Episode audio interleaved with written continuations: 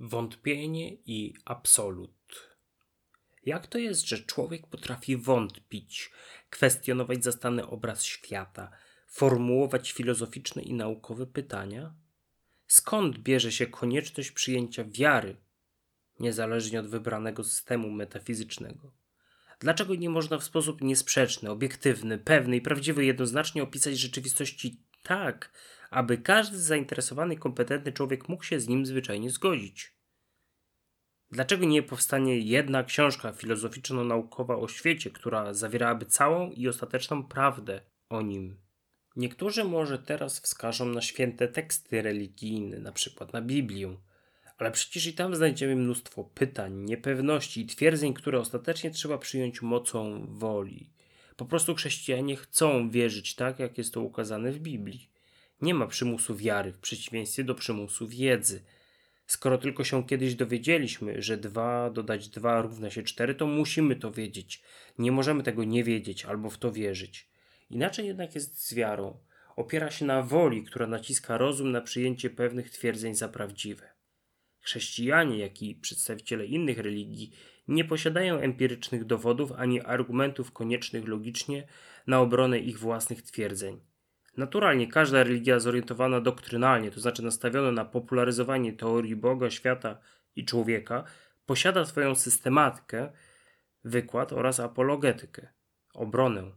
Należy jednak dodać, że racjonalność czy zasadność obydwu zależna jest od epistemologicznych i metodologicznych zasad przyjętych arbitralnie, a priori, bez uzasadnienia lub z uzasadnieniem logicznie niekoniecznym, wątpliwym albo tak rozbudowanym i nieintuicyjnym, że potrzebującym samemu meta uzasadnienia. Nie inaczej jest z systemami filozoficznymi.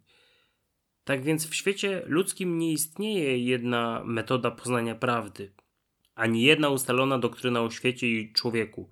Nie sposób sformułować wspólnych dla wszystkich podstawowych intuicji, aksjomatów czy naoczności. W takiej sytuacji wątpienie jest nieuniknione. Zawsze jakieś ważne pytanie pozostaje bez odpowiedzi, a ludzki opis świata zawsze okazuje się niepełny, niczym za krótka kołdra. O ile ktoś w ogóle interesuje się poszukiwaniem prawdy, to właściwie skazany jest na ciągłą niepewność, niedomknięcie poznawcze. Sądzę, że teorie dogmatyczne postulujące istnienie pewnej prawdziwej wiedzy z góry skazane są na porażkę, więc fałszywe. To oczywiście moja opinia, opinia łagodnego sceptyka epistemicznego. Łagodnego, ponieważ nie sądzę, że nic nie wiadomo. Nie twierdzę, że wiem, iż nic nie wiem. Natomiast uważam, że są ważne pytania, na które nie sposób udzielić satysfakcjonującej odpowiedzi. I co teraz robić? Jak żyć? Jak myśleć? Do którego kościoła uczęszczać, jeśli w ogóle? Na kogo głosować, jeśli w ogóle? Jakich decyzji dokonywać w życiu, jeśli w ogóle podtrzymywać nadal życie? Nie mam zamiaru teraz odpowiadać na jakieś konkretne, poszczególne wątpliwości, bardziej nurtuje mnie sam fenomen wątpienia. Z obserwacji potocznej badań empirycznych oraz refleksji filozoficznej można wysnuć wniosek, że nasz świat jest racjonalnie uporządkowany. Nie mówię, że to jedyny uprawniony wniosek, albo że nie zachodzi zjawisko chaosu. Chodzi mi bardziej o to, że świat jest inteligibilny, to znaczy poddaje się rozumnemu badaniu, a także zachodzi możliwość opisywać go za pomocą języka matematyki. I to do tego stopnia, że modele matematyczne opracowane e, w fotelu myśliciela niedokrotnie przewidywały późniejsze wyniki badań empirycznych dokonywanych przez fizyków eksperymentalnych. To znaczy, że odkrycie formalnej, myślnej struktury wszechświata pozwalało na przewidzenie jego faktycznej fizycznej struktury. I to właśnie miałem na myśli, mówiąc o racjonalności świata, że w ogóle można go poznawać rozumem i to w tak ścisły oraz przenikliwy sposób, jakim jest poznanie matematyczne. Z drugiej strony, wszędzie wkrada się wątpienie, brak pewności, relatywizm czy właśnie sceptycyzm. Fizycy, jak na razie, nie potrafią zgrać ze sobą ogólnej teorii względności oraz mechaniki kwantowej.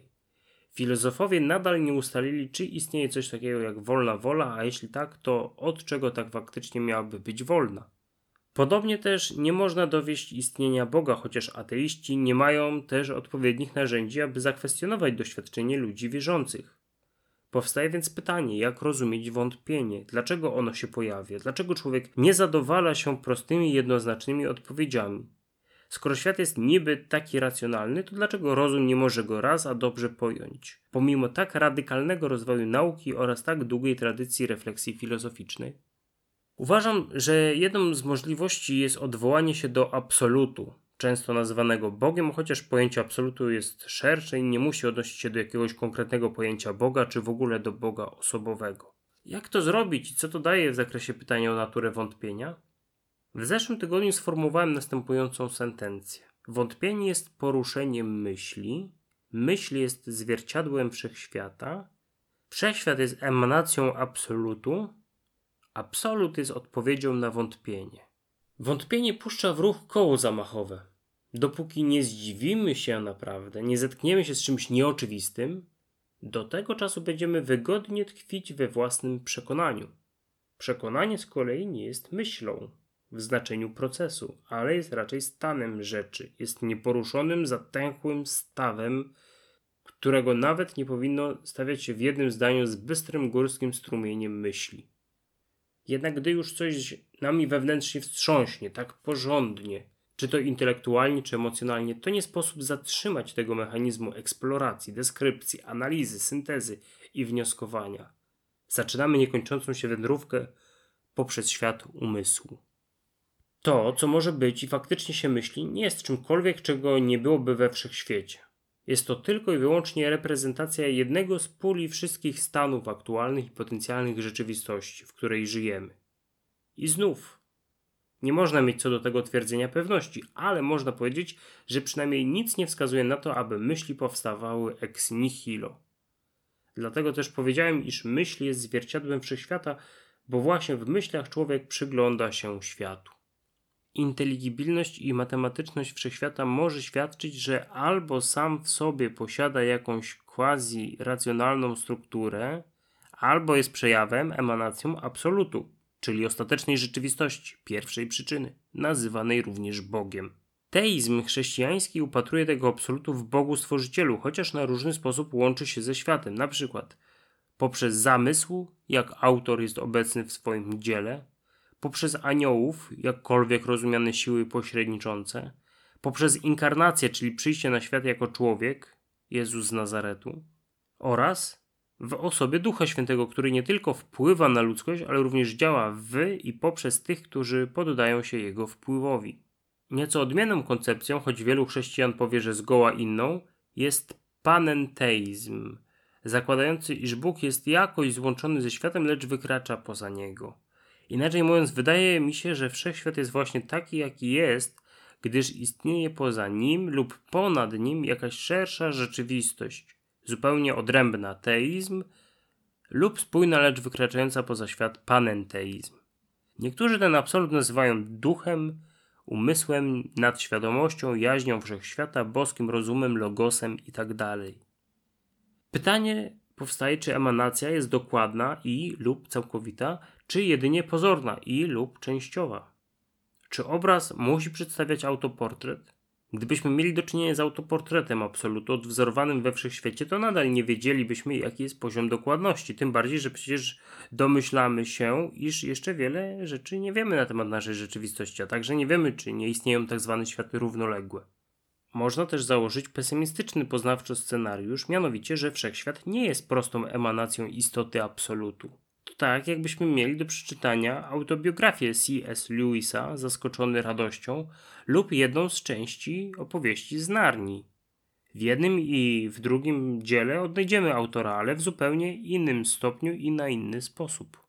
Niemniej jednak sądzę, że nawet gdybyśmy dysponowali jedynie ziarnem prawdy, czy jak pisał apostoł święty Paweł, cząstkowym poznaniem, jest to lepsze niż brak tego ziarna. Jednak to ziarno jest. To znaczy prawdopodobieństwo, że wszechświat faktycznie jest częścią większej całości, czy szerszej perspektywy. I właśnie po takim stanie rzeczy spodziewałbym się wspomnianej na początku tekstu dialektyki racjonalności i irracjonalności, tego, że świat jest z jednej strony poznawalny rozumem i opisywany językiem matematyki, a z drugiej strony jest niczym niedokończone równanie, które przynajmniej w najbliższej przyszłości takim pozostanie. Czy jest to argument na istnienie Stwórcy albo jakiegoś Boga? Niekoniecznie. Jest to raczej niesprzeczność lub pewna zgodność. To znaczy, że to, co obserwuję, zgadzałoby się z hipotezą absolutu, jakiejś większej rzeczywistości niż tylko ten sam świat. Ale mi teraz w ogóle przecież nie chodzi o żadne dowodzenie istnienia absolutu. Po prostu sądzę, że hipoteza absolutu daje jakąś roboczą odpowiedź na pytanie, dlaczego skoro świat wydaje się być racjonalny, w tym samym czasie wydaje się być nierozwiązywalną zagadką? Czy coś takiego w ogóle jest możliwe? Czy taka odpowiedź może kogokolwiek satysfakcjonować oprócz mnie? Myślę, że absolut można porównać do matematycznej nieskończoności. Czasem nawet absolutowi przypisuje się nieskończoność w różnych aspektach. Z jednej strony nieskończoność nie kryje dla zwykłego zjadacza chleba żadnej tajemnej wiedzy. To oczywiste, że do dowolnej liczby zawsze możemy dodać jakąś wartość i przesunąć się bliżej nieskończoności lub odjąć od niej i tym samym zmierzając do minus nieskończoności. Jednak nasza perspektywa zazwyczaj doszukuje się początku i końca, rytm dobowy, miesięczny, roczny, narodziny i śmierć człowieka, początek edukacji formalnej i ukończenie, wejście na rynek pracy oraz przejście na emeryturę itd. Więc możemy sobie wyobrazić bardzo duże liczby, jednak czy jesteśmy w stanie pojąć coś, co nie ma początku, minus nieskończoność, oraz co nie ma końca, nieskończoność? Jesteśmy w stanie to pomyśleć ogólnie, jednak nie możemy sobie tego wyobrazić. Nie możemy tego zobrazować czy unaocznić i nawet nie wiemy, czy taka nieskończoność może występować w świecie fizycznym, czy jedynie na osi czasu, czy w umyśle matematyka. Sądzę, że wytłumaczyłem się tą analogią. Świat jest poznawalny częściowo, ale jednocześnie niepoznawalny całkowicie. Moim zdaniem to może świadczyć za istnieniem szerszej perspektywy, wyższej rzeczywistości, absolutu. I tak jak mówiłem, nie chodzi tu o dowodzenie istnienia Boga czy coś w tym stylu. Po prostu hipoteza absolutu dość dobrze tłumaczy zjawisko wątpienia, kwestionowania zastanego obrazu świata, nieustannego formułowania pytań naukowych i problemów filozoficznych. W ten sposób absolut jest dla mnie odpowiedzią na wątpienie, dzięki czemu nerwica natręctw myślowych, niezdiagnozowana, przeradza się w poczucie podziwu, zachwytu i paradoksalnego spokoju wewnętrznego. Bo jeśli nie mogę zrozumieć rzeczywistości dlatego, że wykracza ona poza samą siebie, to okazuje się, że nie tylko nie jestem w stanie, ale i nie muszę wiedzieć wszystkiego. Kto powiedział, że każda wątpliwość musi być rozwiana, problem rozwiązany, a pytanie odpowiedziane? Dziękuję za uwagę i do usłyszenia. Konrad Pasikowski